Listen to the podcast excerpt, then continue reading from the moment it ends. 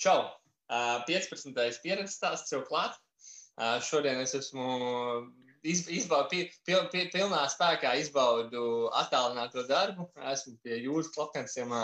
Uh, būs, būs interesantāk, garšāk. Uh, šodien, tie, šodien mēs tiekamies, es, mēs visi kopā tiekamies ar draugiem grupas uzņēmumu Fastbrands, kas ir, kas ir kuru vada Jānis Bošs. Ar viņu mēs gribam parunāt par to, par Amazoni. Un Jānis ir cilvēks, kurš ikdienā daudz, daudz dažādiem zīmoliem palīdz attīstīties Amazon tirgu. Un, jā, tāpēc šodienas tēma būs Amazons pret Etsija. Nevis pret Etsiju, bet tieši tā starpība Amazonam, Etsijam un savam veikalam. Parunāsim par algoritmiem, izmaksām un filozofiju. Varbūt Jānis divos vārdos uh, pastāst, kāpēc, kāpēc mums arī jāklausās, un, un tad ķeramies klāt tēmai. Sveiciens visiem! Uh, principā diezgan bieži saņemu jautājumus par Amazon, un tad uh, šī būs tā iespēja nemēģināt sasniegt mani telefoniski vai e-pastiski un dzirdēt visu tā kā kā, kā ir. Un, uh, es ceru, ka visa informācija palīdzēs sniegt atbildes uz diezgan daudz jautājumiem, kas parasti rodas sākumā, kad cilvēki sāk apsvērt domu, ieiet Amazon platformā un sāk tur kaut ko darīt. Okay, forši. uh, es zinu, ka tu vari daudz uh, seminārus, ka tu vispār ļoti nodarbojies ar to izglītošanas sadaļu. Uh, paldies īstenībā par to, tāpēc, ka uh, tirgu vajag vairāk spēlētājs, kas tiešām dod vērtību bez kaut kāda uh, teiksim, bez kaut kādas uh, lielām maksām, lai cilvēki var izglītoties. Un, uh, un Amazon ir, uh, ir, ir vieta, kur ir jāiet, kur ir jādara. Šobrīd, šodien mēs gribam ar tevi saprast, uh, man pašam ir diezgan daudz jautājumu, jo es esmu tirgojis Amazonā. Uh, man šobrīd ir ļoti daudz klientu, kuriem es labprāt šo kanālu pievienotu. Uh, tad es gribētu šodien tevi saprast, kas tad ir Amazon un kā tur vispār pareizi rīkoties. Um, ja, ja, ja es nezinu, vēl es jau Jānis nesu vēl uzjautājis, bet, ja, mēs, nu, ja jūs noskatīsieties līdz beigām, es mēģināšu no Jāņa izspiest kaut kādu interesantu piedāvājumu, kas varētu būt noderīgs, varbūt kaut kādu, nezinu, rokas grāmatiņu, kaut kādas lietas, kas, kas mums noderēs, lai, lai tā, mēs sākam to ceļu, lai mums, lai mums drusku vieglāk iet. Tā kā, um, pirms mēs ķeramies pie paša Amazon, varbūt pastāst nedaudz par Fastbrands. Uh, kas, kas tas ir, kāpēc tas radies, kāpēc, kāpēc, kāpēc tu, es saprotu, tu esi tā, tā zīmola radītājs, izstāsts, varbūt, kāpēc ir Fastbrands un, un uh, jā. Uh, jā, un tas viss sākās uh, šķiet jau vairāk kā trīs gadus atpakaļ, ka tajā brīdī, kad draugiem grupa uh, uzņēma Springful ļoti strauji auga un uh, tā e-komercija turpināja attīstīties, tad uh, sapratām, ka ir ir vēl daudz dažādas iespējas uh, e-komercijas pasaulē. Tad mans tāds side projektiņš draugiem grupu ietveros bija uh, iztestēt Amazon, iztestēt Etsy un Shopify. Un tas ir arī tas, ko es darīju. Man bija viena veida produkti Etsy, man bija dropshipping uh, biznesa modelis Shopify. Un tad bija viena tāda kārša spēle, ko mēs uztaisījām un ielikām Amazon. Un, uh, Kaut kādā, kaut kādā brīdī mēs patestējām, sapratām, kā tas strādā, un tas viss tā kā palika drusku nostāk. Bet Amazon šī kārša spēle turpināja kāpt rankingā augstāk, lai gan tajā brīdī es vēl nesapratu īsti, kas un kā. Un tie sales turpināja nākt, un mums likās tā kā nu, fantastiska iespēja, tā kā tāds pasīvais income nedaudz, protams, ar lielu ieguldījumu upfront, kas ir jāizdara, bet uh, tā, tā filozofija un tā ideja, ka kaut kas sāk pārdoties pats no sevis, no organic sales, tas likās tā kā tāds rītīgas zelta raktuves, un uh, kur jāiet tālāk. Un, jā, un tad uh, pirms nepilniem trīs gadiem ar vienu no draugiem grupu dibinātājiem, Lauru Libertu, mēs uh, runājām par iespējamiem biznesa idejām Amazon tieši virzienā. Un tad uh, radās šī doma, ka mēs varētu attīstīt tālāk arī vēl citus savus produktus. Un uh, arī sākt piedāvāt šo kā konsultāciju pakalpojumu. Jums bija tik labi sanācis, un tajā visa procesa laikā es biju ļoti daudz nedēļas, mēnešus pavadījis mācoties visu par un ap Amazon, ka sapratu, ka ir noteikti ir vēl citi uzņēmumi, kuriem kas tāds varētu noderēt.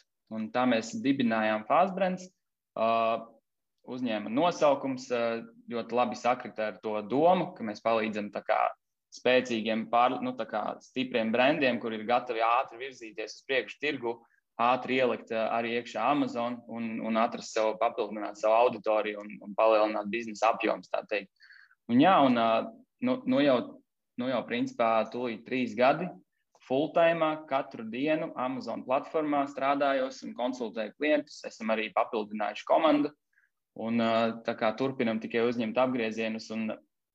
Tā pieredze ar katru nedēļu un katru mēnesi aizvien krājās, jo nāk jauni klienti, katram ir savas problēmas. Un, ja vienā brīdī šķiet, ka jau it kā visu iespējamo esmu redzējis, tad atnāk vēl kāds klients, kurš uzdod vēl citu jautājumu, par ko nav dzirdēts. Un, attiecīgi, tas atkal uzlabo tādu kā fāzbrāns zināšanu, to bāzi, un mēs varam labi garantēt jebkuram klientam, ka mēs varēsim atbildēt uz jautājumiem un palīdzēt iestartēt to procesu. Un jā, tā nu tā kā tāds caur ieteikumiem, sākot ar pāris klientiem, esam izauguši jau līdz diezgan lielam klientu skaitam un turpinam attīstīties un meklēt jaunus sadarbības partnerus. Ok, forši. Tad, kas varbūt, es zinu, mums, pieņemsim, mēs palīdzam arī daudz uzņēmējiem pārdot vairāk, vai mēs gan to darām caur saviem, saviem veikaliem, mums arī ir kaut kāds, pieņemsim, metriks kā mēs, mēs varam pārdot, vai cik mēs palielinām. Kas varbūt tev, tavā, kas ir tas tā kā tavs KPI vai tas Key Performance Indicators, kur tu visu laiku vērtē un skaties, lai saprastu, mēs darām labāk, mēs palīdzam, kas, pēc kā tu vērtē savu darbu? Uh, mums ir divi virzieni īstenībā, un katram no tiem ir savs KPI. Uh, viens ir tīri konsultācijas. Uh, tas ir klientiem, kuriem jau parasti ir savi Amazon veikali, kuriem varbūt nav tās uh, to jautājumu daļu par to, kā ir izmaksas eh, struktūrizētas, kā, kā viss strādā, kā ielikt produktu. Viņiem jau ir gatavs produkts iekšā Amazon, un viņi grib to izaugsmu pātrināt un palielināt. Tāda kā avansētā konsultācija, un tur, protams, eh, di, divi rādītāji. Viens ir, cik daudz klienti ir, un otrs ir, cik ilgi šie klienti paliek pie manis.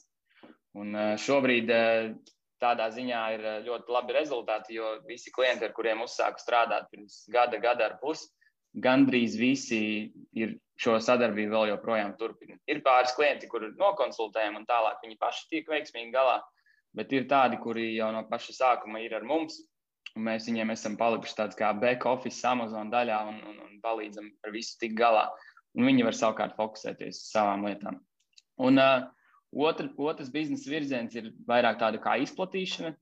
Tas, ir, tas tiek piedāvāts tiem uzņēmumiem, kuriem negribās tā teikt, noņemties ar to Amazon reģistrāciju, verifikāciju, grāmatvedībām, visiem PVN numuriem visās Eiropas valstīs, priekš Amazon FBA un visa pārējā. Tur mums ir vienkārši izplatīšanas sadarbība. Mēs pērkam no viņiem produktus un paši pārdodam Amazon. Un sniedzot to pašu kontroli pār produktu nosaukumu, cenām, aprakstu bildēm viņiem vēl joprojām ir šī sajūta, ka viņi ir šī produkta īpašnieki, un, un tā arī ir. Un mēs vienkārši esam tāds kā grāmatvedības un izplatīšanas daļa šajā visā. Un tur, protams, galvenais tas KPI ir, cik mēs produktus pārdodam un kāda ir mūsu apgrozījums. Tā kā, nu, tā kā uzņēmuma Amazon pusē. Tā kā tādi divi virzieni, kur mēs, kur mēs strādājam, un tajā brīdī, kad klients atnāk, tad uh, mēs uzreiz sākam ar to, ka mēs saprotam, kā, kādā stadijā, cik tālu klienti ir attiecībās ar Amazon un kas viņiem ir ērtāk. Nu, kā, vai nu viņiem patīk tā izplatīšanas sadarbība, varbūt viņiem patīk konsultācija, un mēs arī kā, go with the flow, tā teikt, pielāgojamies klientam, lai viņam ir labi un lai, lai varam tikt uz priekšu. Jā, mums bija interesanti saruna. Man liekas, ka trī, kaut kāds 3-4 nedēļas atpakaļ Skandinavijā uh, viena no vadītājiem. Un, nu, mēs arī runājam par to, to digitālo mārketingu, kā, nu, kā vispār redz, kā tas, kā, kā tas, kā tas amats izstāsta. Tas, ko viņš teica, ka ir tāds hibrīd modelis, kad uh, Uh, tu, tev ir iekšējā komanda, bet tā iekšējā komandā ir teiksim, tā, tā kā coachi, ja cilvēki, kas palīdz. Nu, es vēl to saucu par mentoringu, ja, kas palīdz sakārtot procesus, palīdz saliekt visu pa vietām. Un tas ir tas ideālais modelis, kā šobrīd ir jāattīstās savos online veikalos. Bet droši vien man tev jautājums ir tāds, kā Amazonē šis tavuprāt, ir vispareizākais modelis, jo ir, ir jūs, kas ir eksperti, kas zina lietas, bet vienmēr mēs atduramies pret to, ka, nu, kā tu teici, katram ir savs virziens, katram ir savas lietas, bet biznesa vienā brīdī paliek tik liels un tās komisijas paliek tik milzīgas, ka viņš sāk domāt par to, ka es varētu to darīt iekšienē. Kāds, kāds ir ideālais modelis tieši Amazonē? Uh, izklausīsies pēc reklāmas, bet uh, no, no manas pieredzes ir, ir labāk, ja klients atnāk pie manis uh, kad vēl nav neko pats izdarījis Amazon, jo tur ir daudz dažādas specifikas, kā pielikt produktus, kā salikt variācijas un kā izvēlēties kategorijas. Un Amazon ir viens ļoti liels mīnus, ka jebkādas izmaiņas, kas ir jāveic, viņas nav viegli izdarīt. Un, uh, man ir tādi klienti, kuri ir paši mēģinājuši visu darīt, uh, atnāk un saka, ka nav rezultātu, un tad es ieju tajā profilā, un tur ir milzīgs bardaks. Gan ar variācijām, gan ar cenām, gan ar visu sinhronizāciju starp dažādām valstīm. Un tad ir jāstrādā ar uh, Amazon support, kas ir viens no sliktākajiem visā pasaulē. Teiksim, tā, tur ļoti liela, liela, liela barjera, kurai jātiek cauri, jo viņi sūta tās automātiskās ziņas. Tur nav ne e-pasta, ne, ne, ne telefona, kuram piezvanīt. Un tad paiet vienkārši vairākas nedēļas, līdz tu tiec līdz uh, īstam cilvēkam otrā pusē, kurš tad var sakārtot šīs lietas. Attiecīgi, ja klients atnāk pie manis uh, un neko nav darījis Amazon, tad mēs varam daudz ātrāk iestartēt to visu procesu nekā, ja klients atnāk un viņš ir kaut ko nepareizi izdarījis.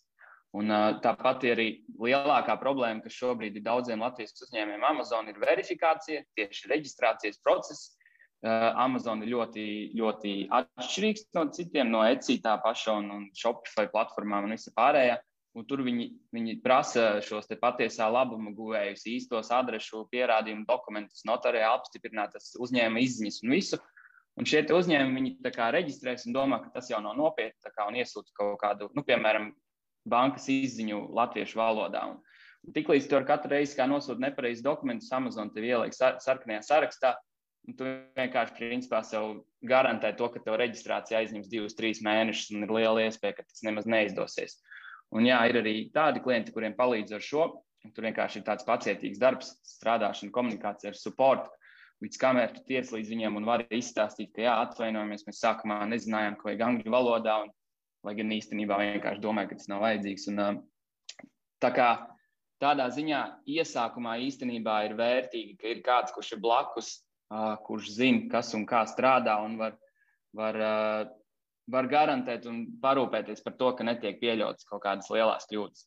Tāpēc ir, ir daudz klienti, kuri apņēmības pilni grib paši visu darīt Amazon, un tajā brīdī es ar viņiem sadarbojos un es apmācu viņu support komandu, apmācu viņu tur mārketinga komandu un visu pārējo un loģistikas speciālistu. Viņi paši tā kā iemācās un visu dara tālāk un viņi izvairās no šiem roadblokiem, uz kuriem es uzdūros sākumā, uz kuriem uzdurās jebkurš cits Amazon pārdevējs, kurš mēģina to izdarīt pats. Var izdarīt visu pats, bet beigās izdevīgāk tomēr ir, uh, ja ir kāds no kā paskatīties. Kaut vai tie paši YouTube uh, kanāli un fórumi, kur ir ļoti daudz dažādu ekspertu, varbūt ir jāizvērtē drusku tas, ko viņi sola, cik tur būs skaisti un labi. Bet uh, tehniski, kā ievietot produktu un kā izdarīt tādas lietas, ir vērts skatīties šos blogus un video, jo tā platforma ir, nu, Amazon ļoti sen dibināts uzņēmums, un tā platforma viņiem diezgan novecojusi. Viņi mēģina apdeitot viņu, bet, eh, protams, ir jārēķinās, ka tur eh, viss nebūs tik eh, pašsaprotami sākumā. Vienkārši var ietaupīt laiku, skatoties, meklējot kaut kādu padomdevēju un konsultantu, kas pēc tam atmaksāsies noteikti. Okay, tad, eh, tad tu arī saki, ka tas ir eh, kaut kāds hibrīd modelis. Ja cilvēki to grib, viņi noteikti paņem. Es to zinu, kā vēl saucu. Man es savā dzīvē esmu vienmēr gribējis mācīties no savām kļūdām. Bet, tad, kad tu -hmm. sāc par viņām maksāt un diezgan daudz maksāt, tu saproti, hei, varbūt es varbūt varu jau sākumā padomāt par to, ka eh, piesaistīt uz kaut kādu mini konsultāciju vai vienkārši paprasīt mm -hmm. ekspertam viedokli. Tāpēc, uh, rekur, paldies, Jāni! Ka tu to dari, palīdzi, palīdzi nokonsultē. Un tad pie launch, pie launch sadaļas obligāti vajag paņemt profesionāli. Noteikti tirgu ir vēl daudz profesionāli, neuzspiežam nevienu, bet vienkārši izdariet to, tas ir svarīgi. Kas ir noteikti tajā brīdī, kad tu attīsti pārdošanu? Tajā brīdī tev arī ir kaut kāds hibrīd modelis, vai kā, kas, kas tavuprāt tajā brīdī ir labākais? Uh, principā tā galvenā doma ir uh, piemēram, tas pats Etsy un Shopify, ir ok pašam mācīties un pieļaut kļūdas, jo tur tu viņas ļoti ātri var izlabot. Amazon ir tas mīnus, ka viņas ļoti grūti izlabot. Un, ja tu divus mēnešus nomuļās to listingu, viņš jau būs pašā, pašā meklēšanas rezultātu apakšā, un tad uh, būs daudz grūtāk uzkāpt uz augšu. Un, attiecīgi, tas pats turpinās arī launch stratēģijā. Vajadzētu pirms tam salikt plānu, ko darīs, un, un, un izvērtēt tos uh, tā teikt, KPI, ja tos uh, statistikas datus, kurus jūs, kuriem jūs sekosiet līdzi un kas būs svarīgi, lai neapmaldītos tajā visā burzmā, jo, jo tā platforma var būt diezgan tā kā overwhelming, tā kā pārņem pāri un uh, tu pazaudē īsti to, kas tur ir svarīgs. Un uh, daudzi sāk ar to, ka viņi ieliek tur, nezinu, neierobežotu reklāmas budžetu un, un nāk pārdošanas, nāk pirkumi, viss ir skaisti un beigās nemaz nepaskatās, cik viņi nopelna vai cik zaudē naudas. Un, uh, Tādā gadījumā ir vērts vienkārši arī palasīt blogus, paskatīties video, uzjautāt kādam ekspertam padomu, kas ir varbūt tās lietas, kas ir jāskatās. Un arī tas ir atkarīgs no kategorijas un, un tādām lietām. Visiem, visām kategorijām nav tie vienādi tie nosacījumi un noteikumi. Un, un jā, ir vērtīgi vienkārši tā, tā, tā nopietni tai lietai pieiet, jo Amazon, ja būs pieļautas kaut kādas kļūdas, nu, tad ir diezgan ilgi jārāpjas ārā no tās bedres, lai izlabotu viņas. Tā kā tāds okay. pārdomāts šeit tiešām septiņas reizes nomēri un vienreiz nogriez. Un, ja kaut kur citur, varbūt tajā pašā Shopify, tu vari visu, ko testēt, uzreiz ātri, dinamiski. Reizēm pietrūkst, ka Amazon arī tā varētu darīt, jo kā, tas bizness varētu būt nu, dinamiskāks un ātrāk varētu jebkuru produktu nolaunčot. Bet jā, Amazon ir tāds maratons. Jā, bet es domāju, ka tā dinamika mainīsies visos lielajos zīmolos, jo viņi, viņiem parādās liels tas pats Shopify, Facebook šobrīd. Viņiem parādās ļoti liels sloks uz uh, uz uh, kvalitāti, jo viņi vairs nedrīkst ielaist veikals, kas ir, uh, teiksim, skēmi tā saucamie, vai kas ir, viņiem ir jās, jābūt vairāk filtrācijai, un Amazonas, laikam, ir, ļoti par to rūpējās, bet ar to viņam tā sistēma ir tāda grūtāka, tā verificējumā, bet, nu, tad uh, tā galvenā ideja, kad ņemat ekspertu, ietaupīsiet laiku naudu, galvenais varat ņemt viņu kā konsultatīvā formā, paņemt kādu cilvēku, kas ikdienā to darbu. Galvenais ir neizdarīt kaut kādus soļus, kas pēc tam vairākus mēnešus būs jālabo un būs jāgaida, kamēr tur izmainās. Vai ir, es zinu, daudz gadījumu, ka pat jātaisa jauna konta no nulles augšā, jo tāpēc nu, vecie vienkārši pēc pusgada varbūt sāks dar, darīt kaut kādu rezultātu. -hmm. um, Jā, nu ir ļoti daudz piemēru, kur klienti paši veiksmīgi tiek galā un, un tajā brīdī, kad kaut ko uzdarās, viņi smuki sameklē fórumos informāciju, noskatās video vai ko tādu. Bet uh, drīzāk, ja vienā brīdī ir, uh, ir kāds jautājums vai ir šaubas, ka šis ir pareizi, tad tajā brīdī tas ir īstais brīdis, kad jā, varbūt kādam vajadzētu uzprasīt, lai tā kā nesabojātu to, to, to sākumu. Nu, Rekur, tad tev nākamais solis jāuztais kaut kāda viegla platforma, kur to var uzprasīt. Varbūt, varbūt tev jau kaut kas tāds ir. Ja nav, tad rekur tev ieteikums, lai, lai cilvēki var ātrāk nokomunicēt, jo droši vien bieži vien tie ir tik mazi jautājumi, ka tur pat nav vērts varbūt atsevišķi veidot kaut kādas garas sarunas. Jā, jāpiefiksē. Laba ideja uztaisīt kaut kādu biežāk uzdoto jautājumu grāmatiņu vai ko. Jā, mēs tagad pēc pēdējā laiva arī uztaisījām kā, klientu piesaistību un klasifikācijas atsevišķu grupu. Pagaidām mm. tur, nezinu, tur ir 20 cilvēki pievienojušies, bet no laika pievienojušies. Un tas, tā, es gribu izdarīt tā, ka, lai visi jautājumi iet tur iekšā tajā grupā, un cilvēks, kas ienāk, viņi visi jau saskarsies ar vienādām problēmām. Tur, tur var atrast, vai arī atrast kādu, kas tev ātri palīdzēs. Jo tas, ko es domāju, ka mēs galvenais pērkam, ir laiks. Un, ja jums ir cilvēks, kas ir iekšēnē gatavs strādāt, tāpat viņš ir nu, tas, ko es vienmēr saku, ja sevišķi tie, kas tikko sāk, viņiem ir, viņi dara ļoti daudz, bet tur 10-20% dod kaut kādu reālu rezultātu. Un tas, kas ir tādiem cilvēkiem kā tev, kas ir jau to, teiksim, to sāls puru iz, izēduši, viņiem vienkārši viņi tev ātrāk iedos tos 20%, lai viņus var tiešām ne tikai 20, bet vairāk darīt. Līdz to tam junioram nav, tu zini, jāgriež pie. Jābrauc uz vietas ar riteni ļoti ātri, bet viņš jau var izdarīt to, kas tiešām ir jāizdara. Zinām, pirms mēs ķeramies par specifiku, jo mēs šodien esam apsolījuši parunāt par algoritmiem, par izmaksām, par filozofijām, kas man ļoti patīk tieši filozofijas sadaļa. Izstāstīt, varbūt kaut kādu garšīgu stāstu, lai mēs visi tā kā, wow, tā var izdarīt. Nu, kaut kā tāds, var, es nezinu, varbūt pat ne tavs stāsts, bet vienkārši kaut kas tāds, kur tu saproti, ka, hei, Amazon tiešām var izmainīt man pasauli, man tur realitāti? Uh, es nedrīkstu minēt konkrēti kādus brandus, bet mums ir uh, diezgan daudz uh, success stories. Uh, jo tas Amazon mūsu virziens uh, ir, ir, ir atsevišķa Amazon biznesa industrija, kur cilvēki sūta preces no Ķīnas, taisa to saucamo private label, un tad grūž iekšā vairākus tūkstošus reklāmās un aizrāpjas līdz pirmajam rankingam, un tad viņiem lūk ir pasīvie ienākumi. Mūsu stratēģija vairāk palīdzēt esošiem foršiem brandiem, kvalitatīviem, un tas mērķis ir panākt, ka mēs iegūstam šos organic sales, ir dabiskos pirkumus, kur visa nauda paliek viņiem, nav jātērē nauda dārgās reklāmās. Mums ir vairāki klienti, kuriem, eh, piemēram, ir klients, kuram savā mājaslapas veikalā bija konkrēts eh, pirkumu skaits katru mēnesi, strādāja ar Facebook reklāmām, ar visu. Un mēs ielikām Amazon. Pirmos trīs mēnešus mēs eh, bijām zem tā e-veikala, bet šobrīd jau mēs esam apjomu ziņā reiz 5, reiz 10 pret e-veikala sales. Viņi pēkšņi ir liels fokus un liels klientu skaits viņiem nāk tieši no Amazonas. Un uh, ir, ir citi klienti, kur ir, uh, piemēram, zināmāki brendi, kurus meklē, tad tā sinerģija arī ļoti labi strādā. Un, uh, viens, uh, viens interesants stāsts ir tieši par to, ka Amazon ir visi produkti piedalās uzreiz Amazon affiliate programmā, un visi pasaules blogeri var likt linkus uz tavu produktu. Ievietojot produktus Amazon, tu piekrīti, ka tavu produktu drīkst kāds reklamēt bez jautājuma. Un tad arī uh, zināms zīmols ielikām produktus uh, Amazon, un pēkšņi viņi redzēja, ka viņus sāk pieminēt blogā, jo viņiem nebija savā mājaslapā afiliēta programma, bet viņus sāka likt uh, lielie visādi mēdīji, jo viņiem pē, viņi pēkšņi bija Amazon atrodama, un pēkšņi šis mēdījis lika viņus gan gift gaidos, gan vēl vis kaut kur jau varēja pēkšņi no tā nopelnīt. Protams, tas uzreiz paceļ brenda zīmolu, uzbūs to produktu Amazon pusē, un uh, Amazon ir interesanti, ka, ja tas ir kaut kāds labāk zināms zīmols vai unikāls produkts, nevis tie lētie produkti, kas ir kaut kur no Ķīnas ievest vai kas, cilvēks gandrīz vienmēr pārbaudīs, cik tas produkts maksā arī mājaslapā un, un citos kanālos. Līdz ar to Amazon palīdz arī dzīt lielu daļu kā, jaunu klientu uz jūsu pašu mājaslapu, kur jau jūs varat tālāk forši apselot produktus, eh, iegūt klienta ēpastu, citām mārketinga aktivitātēm un vēl viņš ļoti labi sasinhronizēs ar visām citām platformām, kas ir.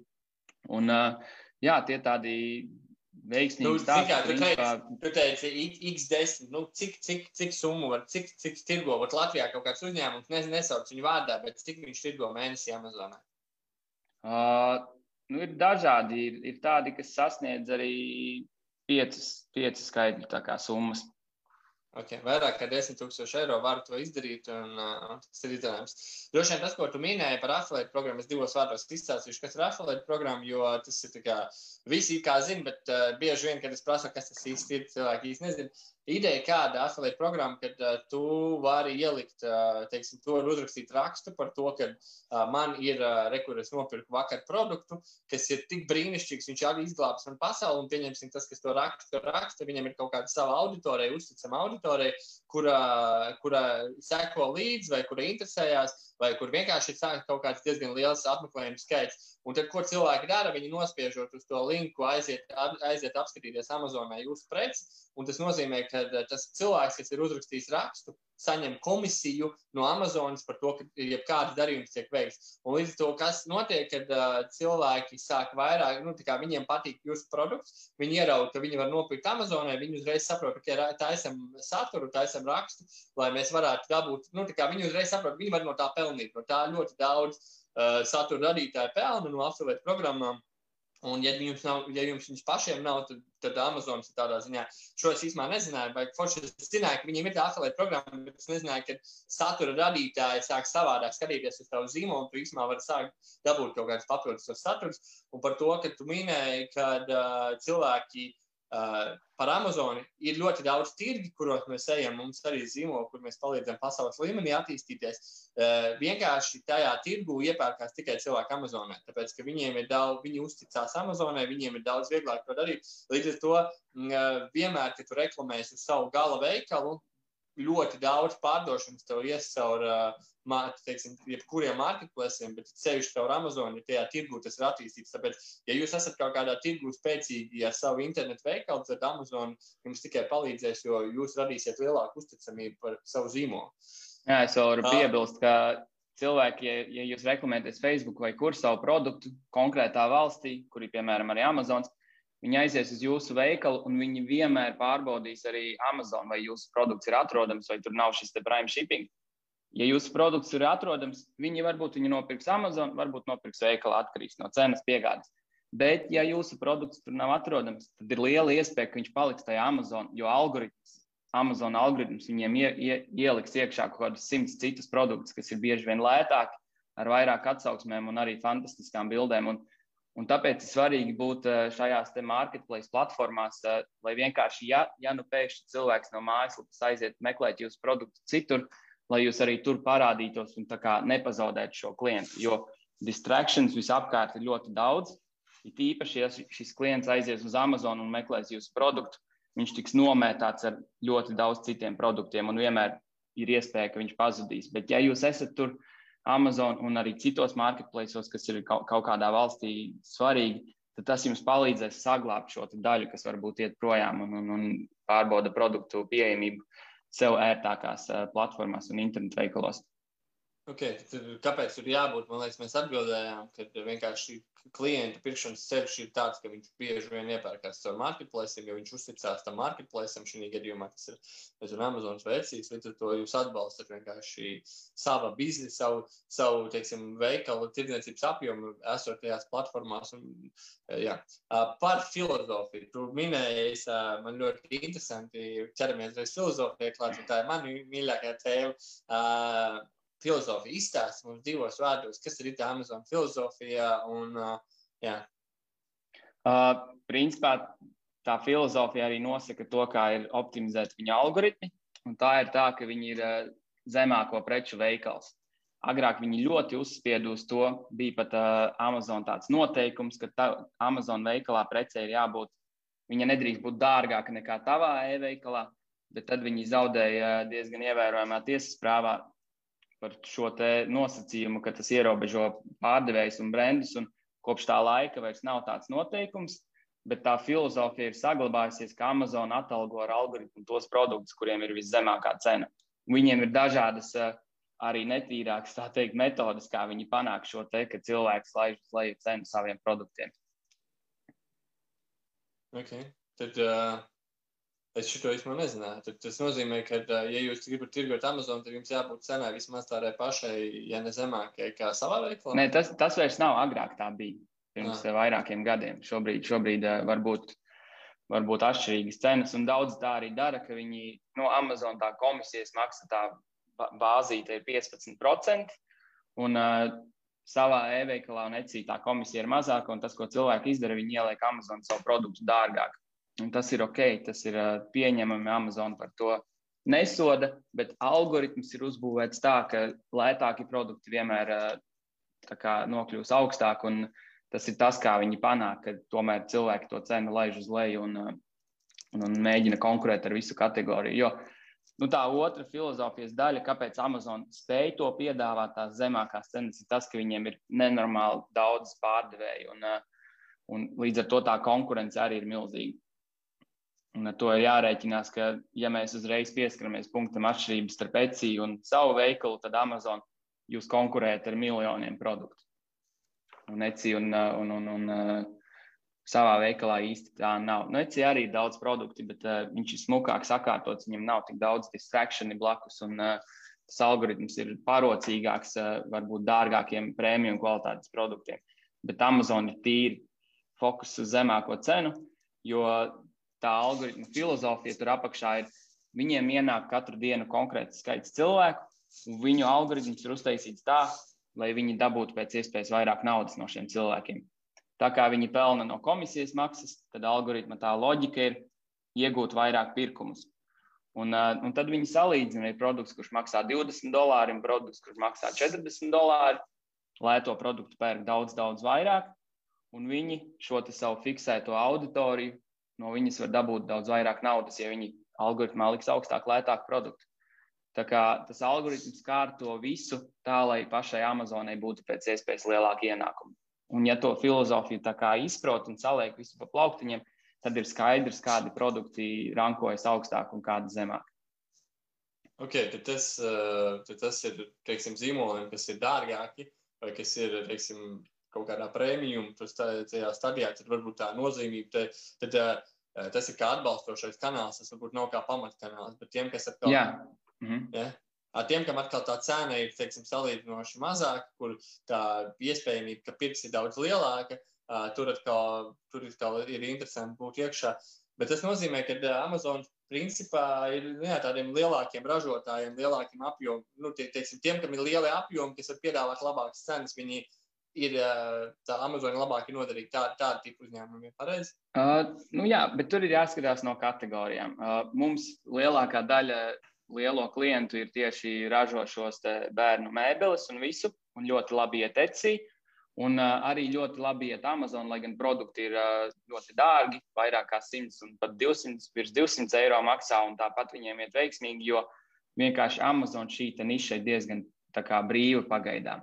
Tas, tas, protams, var mainīties laika gaitā, bet ja mēs paskatāmies, piemēram, telefona accessorus, ja jūs ierakstīsiet, nezinu, iPhone vāciņu vai, vai kaut kāds Samsung lādētājs vai kas, jūs redzēsiet un atradīsiet tikai lētākās preces un no nezināmiem zīmoliem. Jo visi lielie brenda produkti nespēja noturēties tajā rankā, jo viņiem vienkārši ir pārāk mazs pārdošanas apjoms pret lētajiem produktiem. Jo nu, tas ir e-komercijas tāds globāls standarts, lētās preces vienmēr pirks vairāk. Un, uh, un tas arī izpaužās tieši šī Amazon algoritmu pusē. Bet zīmoliem, kā jau iepriekš minēju, ir ļoti nepieciešams būt iekšā. Jo, ja cilvēks meklēs uh, produktu nevis pēc uh, USB lādētājas, bet gan konkrētu brendu, tad viņš šo brendu jūsu produktu uzreiz atradīs pirmajās pozīcijās. Bet tas algoritms skatās, lai arī atkal ir viņiem fiksēta cilvēku bāze, kas kaut ko meklē. Ja cilvēks ieraksta brenda nosaukumu, tad Amazon algoritms grib parādīt uh, produktus, kuri vislabāk sakrīt ar to, ko cilvēks grib atrast. Ja viņš meklē, piemēram, uh, kaut kādu konkrētu brenda ražotāju lādētāju vadu, tad Amazon to brendu arī parādīs, jo viņi zina, ka te ir vislielākā iespēja, ka būs tas klikšķis un pirkums. Viņiem nav šajā gadījumā izdevīgi rādīt vislētāko variantu, jo tur var būt ja tiek izmantots brands meklēšanā, tad tas nozīmē, ka cilvēks kaut ko konkrētu meklē, nevis vienkārši lētāko preci. Tāpēc, ja jums ir, ja jums ir aktīvas reklāmas un, un jūsu brendu jūs kaut kur promotējat, viņu, ir, viņu var atrast un redzēt, tad noteikti ir jābūt Amazon kaut vai tikai, lai jūs atrastu uz jūsu brendu.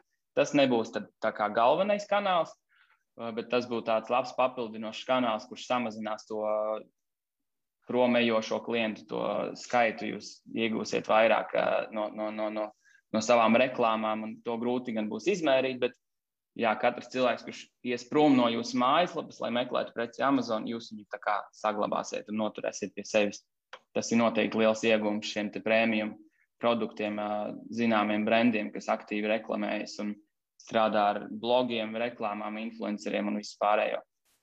Okay, tad, eh, tad, tad, tad tā Amazon var būt arī, nu, nevis varbūt, bet viņa ir kā brandinga sadaļa svarīga. Nu, kad jums ir kā, eh, tas, uz to ir jāskatās gan kā uz brandingu, eh, bet ja mēs runājam par kaut kādiem ātriem, straujiem apjomiem, tad visdrīzāk tā ir kaut kāda ārējā brandinga reklāma, kaut kādiem prēmijumiem. Atkal, ja jūs varat kaut kādā kategorijā būt, kur ir šobrīd problēmas vai kur ir kaut kāds trūkums, tad atkal jūs varat arī augt savu to kategoriju, tāpēc, ka tur vienkārši nav šobrīd dalībnieku, kā tu minēji, tur bērnu mēbeles, tur, bet tas arī var mainīties. Līdz ar to uh, zīmola, zi, nu jā, mēs te runājam par zīmolu.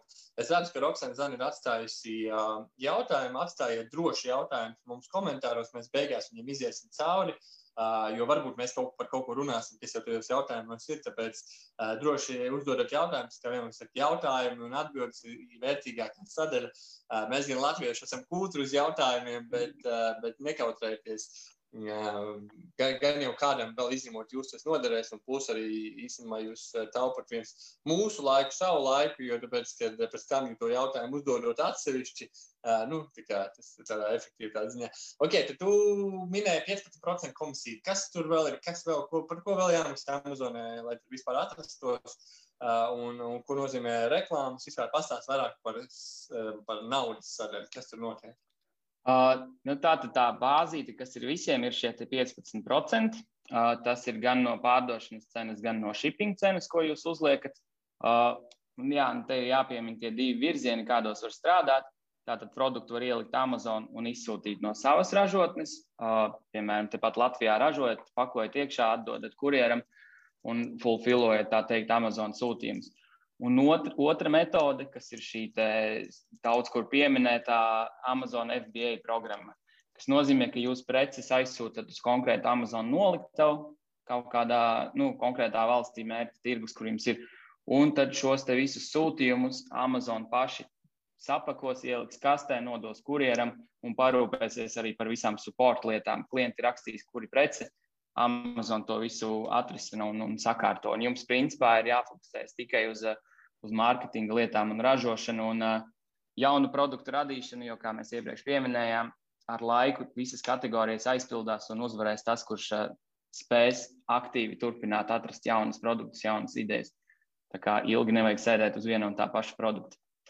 Un jā, tātad šīs divas programmas, ja mēs ejam to vienkāršāko, ka jūs sūtat preces no savas noliktavas, tad ir šie 15%. Uh, un, ja jūs tirgojat Eiropā, tad jums jāieliek cenā arī PVN, kas būs uh, jānomaksā attiecīgi. Nu, tāds standarts arī jebkuram, arī savam veikalam.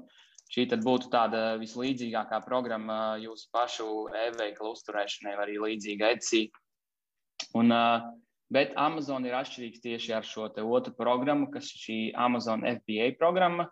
Uh, ja jūs sūtat preces uz Amazon noliktavu, Tā tad te nāks iekšā fulfillment izmaksas, jeb maksa, ko Amazon paņems par to, ka jūsu preci iepako, saliek, aizsūta klientam. Izmaksu ziņā šis ir parasti ļoti konkurētspējīgs piedāvājums. Tātad, ja jūs sūtat no Latvijas, jums to pašu paņemsim kaut kādas bērnu mēbeles, jums iespējams maksā 20, 30 eiro, tad Amazon jums par to paprasīs aptuveni 5 eiro līdz 7 eiro.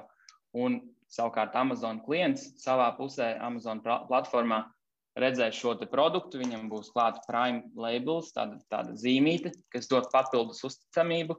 Uh, viņam būs bezmaksas piegāde, arī par ko jūs maksājat savu šo FBA uh, maksu. Un, uh, jā, un sūtīšana notiek vienas, divu dienu laikā, un Amazon parūpēs par visu supportu. Un tāpēc eh, tajās kategorijās, kur ir eh, šādi ātrie produkti, ko cilvēkiem parasti ļoti ātri vajag, eh, tur bez FBA neiztikt nekā, jo visi lielākie konkurenti to izmanto un jūs vienkārši neviens nepirks.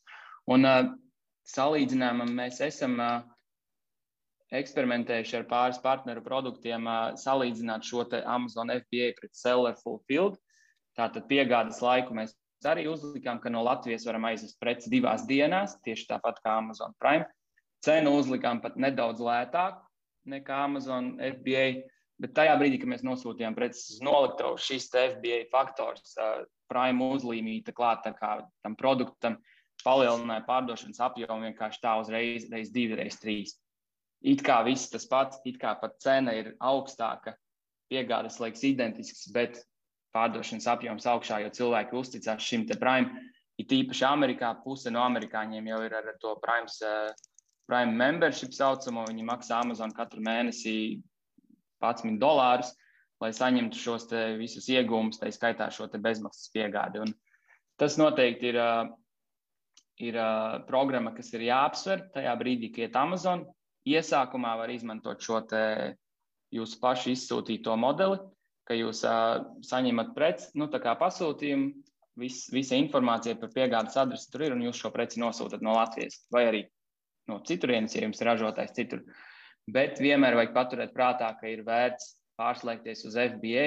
Ja jūs redzat, ka šim produktam nāk daudz skatījumi, nāk daudz pirkumi, tad pārslēdzoties uz FBA, jūs noteikti palielināsiet savu Amazon biznesu reiz divi, reiz trīs, reiz pieci. Jo tas arī ļoti tas iemesls, kāpēc tas bizness palielinās, arī ir tāds, ka katrs pirkums dod algoritmam šo pozitīvo ziņu. Hei, Amazon tikko nopelnīja 15% komisiju, viņi šo produktu ceļ augšā. Kas notiek, ja mēs salīdzinām blakus tā kā Seller Fulfilled un FBA? Tad algoritms redz, ka no FBA produktiem viņš iegūst vairāk naudas Amazonī, un viņi šo produktu daudz straujāk ceļ uz augšu. Līdz ar to šis maratons, cik ilgi jums jāgaida, līdz jūs tiekat līdz pirmajām lapām, kļūst par tādu kā pusmaratonu, jo viss notiek daudz ātrāk. Tāpēc uh, viennozīmīgi FBA ir tāds tā kā gala programma, kas ir jāizmanto. Viņa ir uh, diezgan lēta salīdzinoši. Kā teica, produkts no Latvijas izsūtīt izmaksātu piemēram 20, 30 eiro. Tāda liela kasta. Amazon par to prasīs tikai 5 līdz 7 eiro. Uh, noliktavas izmaksas, izmaksās tie būs aptuveni 20 centi mēnesī jāskatās atkal no, protams, no produkta izmēra un visa, bet tās izmaksas ir ievērojami lētākas. Un, un tā, tas ietaupījums notiek tajā brīdī, kad jūs aizsūtat paleti vai aizsūtat kasti, piemēram, ar 20 produktiem uz noliktavu, samaksājat savam kurjeram. un tālāk ierēķinot pat Amazon izmaksas par katru preci, jūs esat lielāki ieguvēji nekā tad, ja jūs šīs preces pa vienai sūtītu klientiem uz dažādām adresēm, dažādās valstīs. Tā kā noteikti izmaksu ziņā tā tad bāze 15%, un tad atkarībā kādu programmu jūs izmantojat, ja izmantojat FBA, tad ir šī FBA fee klāt, jeb tas fulfillment saucamais, un kas ir nu, jā, 5 līdz 7 eiro. Mazākiem produktiem tie ir tikai 3 eiro, un uh, tur ir jāskatās pēc izmēriem un svara, bet, eh, manuprāt, ļoti zemas un konkurētspējīgas cenas. Un šajā cenā ir iekļauta šī klienta pusē bezmaksas piegāde, vienas divu dienu piegāde, ASV metropolēs pat tās ir pāris stundu piegādes. Un uh, arī Amazon parūpēs par visu supportu, jeb klientu atbalstu, kas ir saistīts ar preces izsūtīšanu, saņemšanu un, un visu pārējo, kas ievērojami atvieglo to jūsu pašu nepieciešamo laiku, kas jāvelta. Jo, ja jūs sūtīsiet no Latvijas preces, jums bieži būs jautājumi, vai prece jau ir izsūtīta, cik tālu viņa ir, vai nē, esmu saņēmis, vai kas. Tas var aizņemt diezgan daudz laika, ja rodas kaut kādas konflikta situācijas. Ja jūs izmantojat Amazon FBA, ja preces sūtat uz viņu noliktavu un uzticat šo procesu Amazon, tad Amazon par to visu parūpēs jūsu vietā, jūs varat vienkārši tā teikt, skaitīt pirkumus, ražot preces un domāt par mārketingu un jaunu produktu attīstību.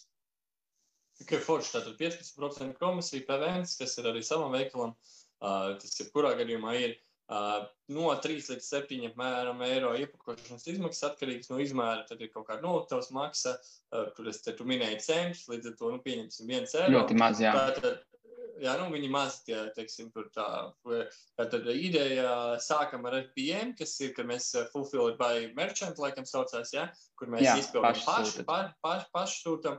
Ja ir preci, kas iet kaut kādā apjomā, nezinu, tur pieņemsim 100 produktu mēnesī iet, tad ir caur FBM, tas nozīmē, jūs ieliekot viņus uz FBA aizsūtot un atstājot, jūs dabūsiet vismaz reiz, divi reiz, trīs to apjomu augšā. Forši izklausās, nu, tās izmaksas neizklausās lielas, droši vien jautājums ir par uh, reklāmu, bet tas ir tāds, uh, tur vispār šo, šo, šo ciparu mēs nevaram apspriest, tāpēc tas ir ļoti, tiešām ļoti katram atsevišķi.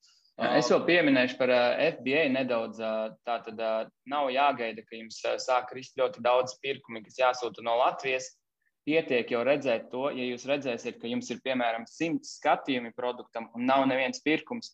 Tas jau nozīmē, ka ja jūs aizsūtīsiet uz FBA, jūs iegūsiet pirkumus. Un tur nav nekāda mazākā limita. Jūs varat teorētiski arī sūtīt vienu preci uz Amazon noliktavu. Vienkārši tas gan nebūs īsti izdevīgi no shipping izmaksām, tāpēc parasti mēs aizsūtām 10 līdz 20 sākumā, jo tas ieskrējiens arī nav tik liels, tik strauji. Un uh, pēc tam sūtām jau lielākus daudzumus. Tā kā tur nevajag pat, uh, tur nav minimums, kas ir noteikts. Tas tiešām var būt ļoti zemu izmaksu eksperiments, aizsūtīt uh, desmit preces un uh, un paskatīties, kā iet. Ok, forši sapratu. Uh, es, kamēr man stāstīja par visiem iegūmiem, uh, mēs kā, nedzīvojam Lietuvā, tad izstāsta kaut kādas, kas ir tādas lielākās, uh, lielākās problēmas vai lielākās lietas, ar kurām būs jāsaskarās, ja jūs to sāksiet darīt. Uh, mīnus, ja kādi ir tādi lielākie mīnusi, ar kuriem esi saskāries tieši Amazon? Uh, uh, principā tie mīnusi man nodrošina darbu. uh, sanāk tā, ka tajā brīdī, ja ir FBA programma, tad sūta preces uz Amazon. Tad šajās lielajās shopping sezonās, iepirkšanas svētkos, Ziemassvētki, Black Friday, Cyber Monday un uh, arī Amazon Prime Day, kas tikko bija jūnija beigās, noliktavas kļūst ļoti noslogotas. Un, reizēm var gadīties, ka produktu kaste ar jūsu produktiem pazūd un uh, nevar tikt atrasta. Un tad ar šo ļoti sarežģīto support, klientu atbalsta komandu, kas neiedziļinās parasti problēmās un atsūta vienkārši iekopētu tekstu, ir ilgi un gari jādiskutē, lai, lai uh, šo situāciju atrisinātu. Un, uh, parasti ir jāgaida aptuveni viens līdz divi mēneši līdz tam, kad prece ir piegādāta noliktavā. Ja šo divu mēnešu laikā prece nav ievietota pie jūsu produktiem pieejamajiem, bet ir pazudus, tikai tad jūs varat atvērt šos investigation cases, jeb to, kad viņi veids padziļinātu izpēti, un tad jūs saņemsiet arī, protams, atpakaļ naudu.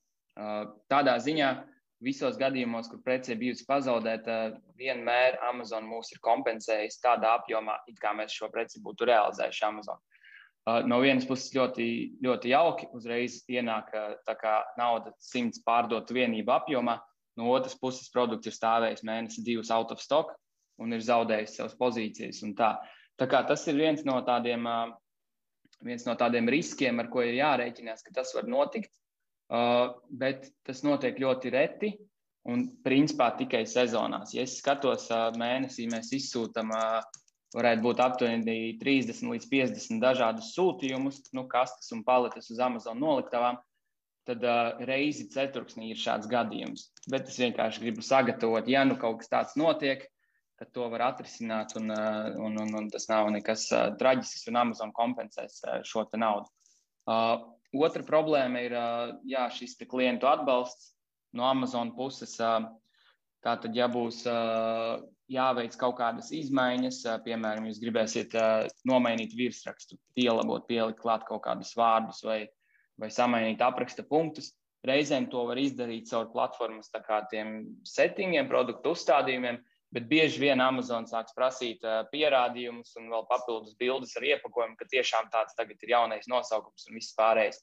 Tāpēc ir jābūt gataviem, ka produkts ir jāieliek maksimāli precīzi ar pēc iespējas labāku aprakstu uzreiz, jo pēc tam tās izmaiņas veikt ir diezgan uh, sarežģīti un laikietilpīgi. To var izdarīt, izmaiņas viņi pieņem, protams, bet vienkārši tas aizņems, var aizņemt daudz laika sliktos gadījumos. Un, uh, tad ir uh, vēl ja trešā lieta jāpiemina, kas vairāk ir aktuāla Amaz nu, ASV, Amazon, ne tik ļoti Eiropā, ir tas, ka klientam ir vienmēr taisnība, un viņi ļoti ērti var uh, pateikt, ka viņiem šī prece tomēr nepatīk un atgriezt viņu 14 dienu laikā. Uh, ja tas ir FBA programmā, tad šis process klientam ir kā pircējiem ir ļoti ērts.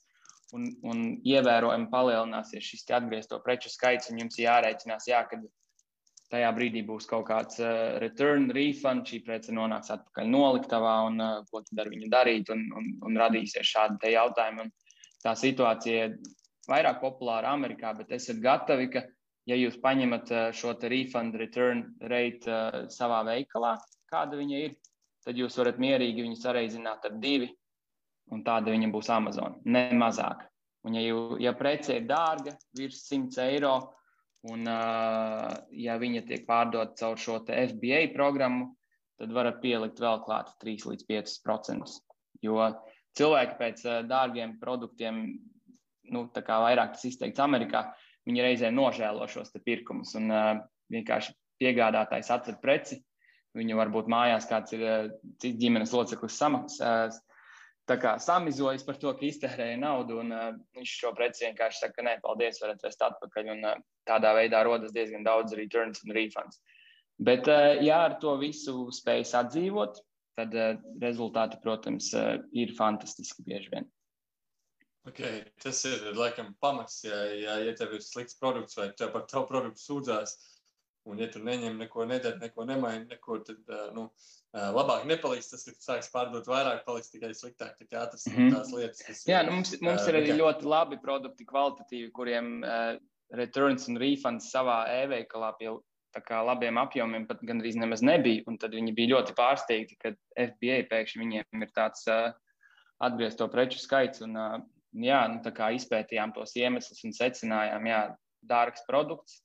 Uh, FBA pircējiem, kā gala klientam ir ļoti ērti to atgriezt, un tad viņi to arī izmanto. Nu, kā, principā preces cena nosaka Amazon pusē to, cik bieži klients iespējams gribēs viņu atgriezt. Un tādā gadījumā jūs varat uh, piestrādāt pie tā, lai šis iepakojums ir uh, pēc iespējas labāks un ielikt iekšā kaut kādu uh, papildus bonus kartiņu vai paldies par pirkumu un, un tādas lietas. Galvenais neprasiet, lai ieliek atsauksmi, tas ir pret Amazon noteikumiem, bet parūpēties par šo te procesa atpakošanas, to unboxing experience, lai, lai, klients, lai klients priecājas un nenožēlo savu pirkumu. Tas arī noder ar saviem e-veikaliem un ecī pirkumiem visam pārējiem. Jo šis iemesls, ka klienti tā saucamais buyers remorse, angļuiski ir latviski nezinu, tā nožēla sanāk par pirkumu, viņa ir ļoti populāra tieši dārgiem produktiem, un jums ir visas iespējas piestrādāt pie tā, lai, lai šo iespēju šo nožēlu minimalizēt un uh, parūpēties, ka klients tiešām ir lepns par to, ko nopirka un nevienā brīdī nepārdomā. Tas noderēs ne tikai Amazon, bet arī citur. Jā, es, es vienmēr saku, ka, ja ir kaut kādas iebildumi, ja ir kaut kādas pretenzijas, nu, uzlabojiet, kā customer experience, un tas sakatīsies. Bet, nu, protams, dārgajām precēm, domāju, tas ir ļoti jūtīgi. Un, un, tā. Uh, forši, uh, par, uh, par nu, man, kā, man tāds laikam lielais jautājums, es kā apmēram nojaušu, uz kurien tas viss virzās. Es esmu runājis, ka daudzi saka, ka uh, liela uzņēmēji saka par to, ka nākotnē pirks tikai marketplaceos, un es arī skatos, pieņemsim, Latvijā ir daudz internetu veikalu, kur es saprotu, tik līdz mums kaut kur tuvāk par, uh, man liekas, ka Polija ir tuvākais, kur ir Amazons. Uh, Uh, vai arī Vācija? Kas ir tuvāk Amazon vai Polija vai Vācija? Uh, Polija, bet viņi nesen uh, palaiduši savu to platformu un tur vēl uh, drusku nekārtības no Amazon. Un ir nu, tā, arī Zviedrija. Teorētiski kā... Vācija tad sanāk, ja? Vācija un Zviedrija, jā. Viņi ir, viņi ir uh, publicējuši pirms pāris mēnešiem arī Zviedrijā platformu, un uh, tā kā tās divas diezgan tuvas, uh, diezgan tuvi tirgi. Bet uh, tā, tādā ziņā, ka tiklīdz viņi būs tuvāk Latvijai, tad visi aizies uz Amazon? Nē, nē, nē, man vienkārši, es pieņemsim pats pēdējo reizi pirku, man vajadzēja peldēšanai kaut kādu inventāru pirkt, un es skatījos gan pie zīmola veikala, gan Amazonē uh, to visu. Un beigās es saliku to visu Amazonā, jo man vajadzēja vairākus zīmolus. Un es nopirku tajā brīdī, kad, es, kad man bija šī pieredze, kad es sapratu, hei, es gribēju atrisināt sev problēmu, es viņu atrisināju saliekot. Labi, man bija jāsamaksā to shipping kaut kāds mistisks, bet es viņu būtu samaksājis vairāk tajos uh, zīmola veikalos. Man bija jāgaida kaut kāds periods, bet es sapratu, tik līdz šīs divas lietas man noņems, pieņemsim, labi attīstījies Polijas, Amazonas vai kaut kas vēl tuvāks visi uh, veikali, kas ir teiksim, mazie interneta veikali šobrīd, kas tirgo, manuprāt, viņiem visiem beigsies biznesa. Uh, kā tev liekas, tā Amazon uh, vispār, kur tā kultūra pirkšanas šobrīd virzās?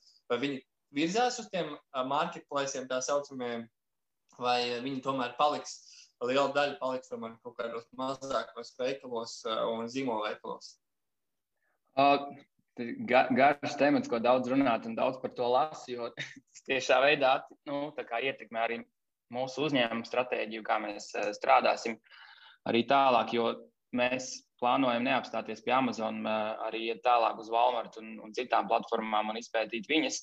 Jo tieši tā šis klienta veids, kā klients iepērkās, eh, mainās un kā tu lieliski demonstrēji, tu apskatīji gan vietējos brendu veikalus, gan mazos internetu veikalus, gan Amazon.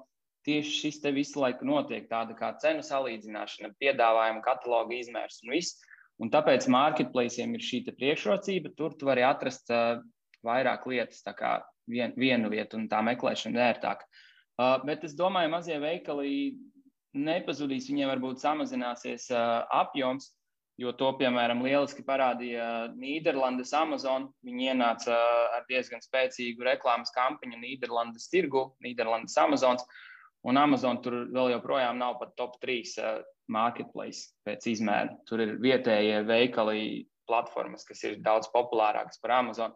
Līdz ar to viņi, viņi arī viņi, viņi, viņi to tirgu, tā teikt, sašķels vēl vairāk. Uh, vēl vairāk, daudz cilvēku turpinās vēl joprojām staigāt pa šiem maziem veikaliņiem, un ja viņi spēs piedāvāt labu konkurētspējīgu cenu, labu piegādi un izcilu klientu atbalstu, tad uh, cilvēki iespējams nemaz nepirks Amazon, uh, turpinās pirkt no viņiem, bet būs daļa, kas, protams, iepirksies šajos lielajos tirgos. Un, uh, tā teikt, uh, tas viss tiks tā kā sašķelts vairāk pa vairākām daļām.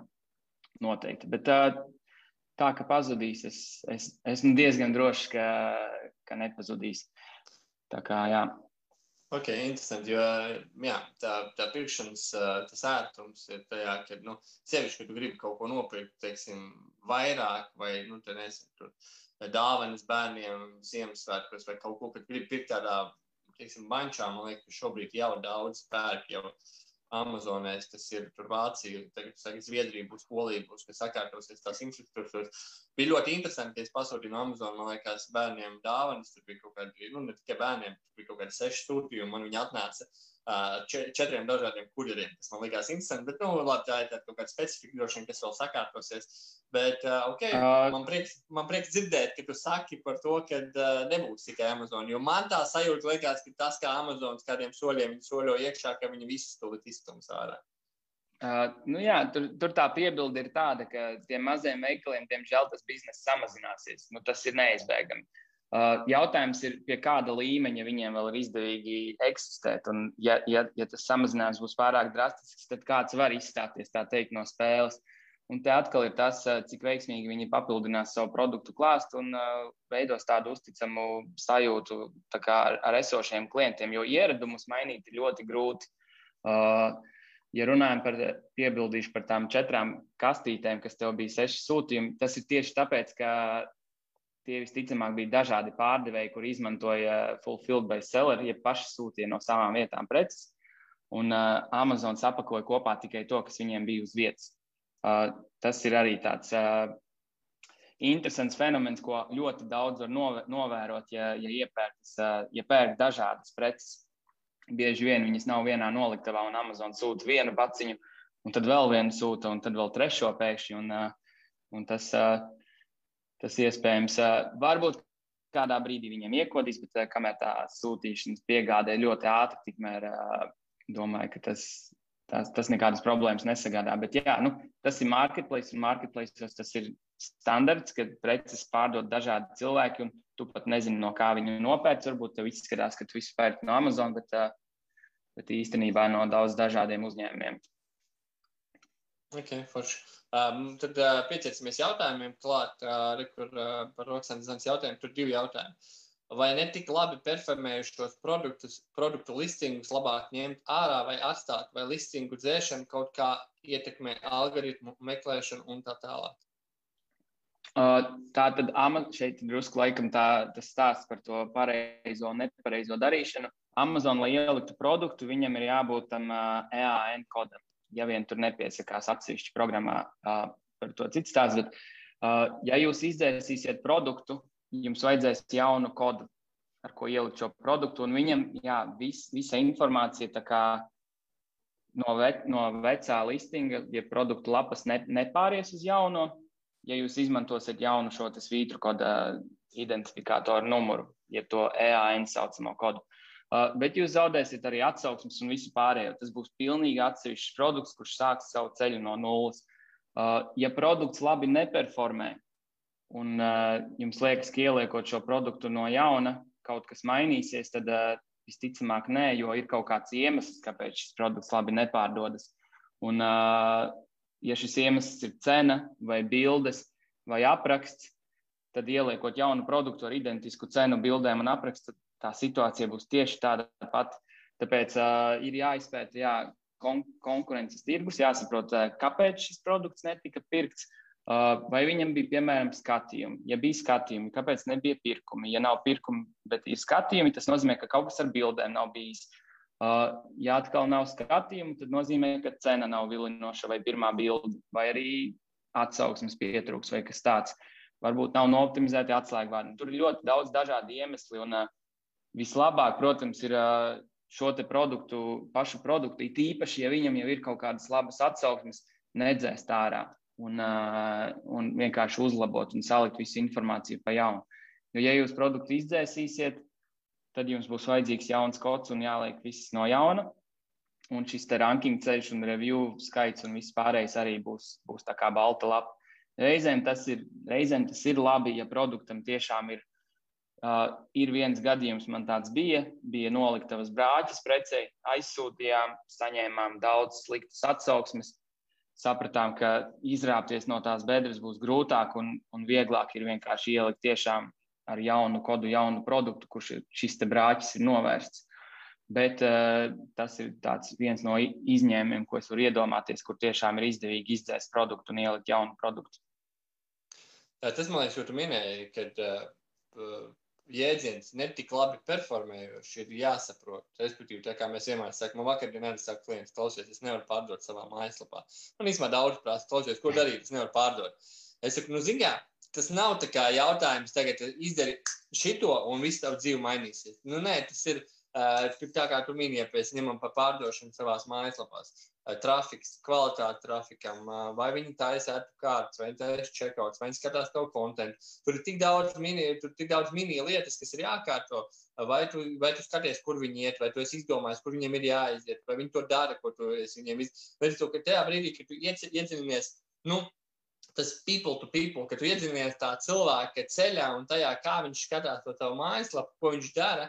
Un šī pašā gadījumā par Amazon. Vai viņam vai ir apmeklējumi? Ja nav neviena, tu, nezinu, ja nav neviena pirkuma no simts apmeklējumiem, tad tev ir kaut kāda problēma, ka tu nevari to izdarīt, meklēt to problēmu. Jo, ja tu atradīsi to problēmu, tu īstenībā iemācīsies tik ļoti daudz vispār par produktu rašanos, par visi, visām šīm lietām, ka nu, kā, uh, tas būs kaut kas ļoti liels pret tevi. Um, Otrs jautājums. Vai jūs izmantojat kaut kādus tūlus, aplikācijas programmas, kas palīdz optimizēt pro produktu li listingus, piemē, piemēram, izanalizēt keyword strength, jeb eh, stiprību un tā tālāk? Vai var ieteikt kaut kādus tūlus konkrēti Etsy platformai? Uh, Amazon gadījumā es izmantoju Jungle Scout. Ir viņiem liels konkurence arī uh, Helium 10, un ir vēl visādi, bet Jungle Scout no manas pieredzes ir visprecīzākie dati tieši par atslēgvārdiem un pārdošanas apjomu. Tas ir tas, ko es iz, izmantoju, piemēram, atnāk klients ar produktiem, uh, ar pro, nu, konkrēts produkts, kategorija, cena, un es vienkārši uzreiz varu aptuveni saprast, kāds viņiem varētu būt pārdošanas apjoms, ja viss izdodas. Uh, un vai tā cena ir konkurētspējīga, vai viņš spēs noturēties, vai arī būs jāstrādā daudz ar reklāmām. Tas ir Amazon pusē.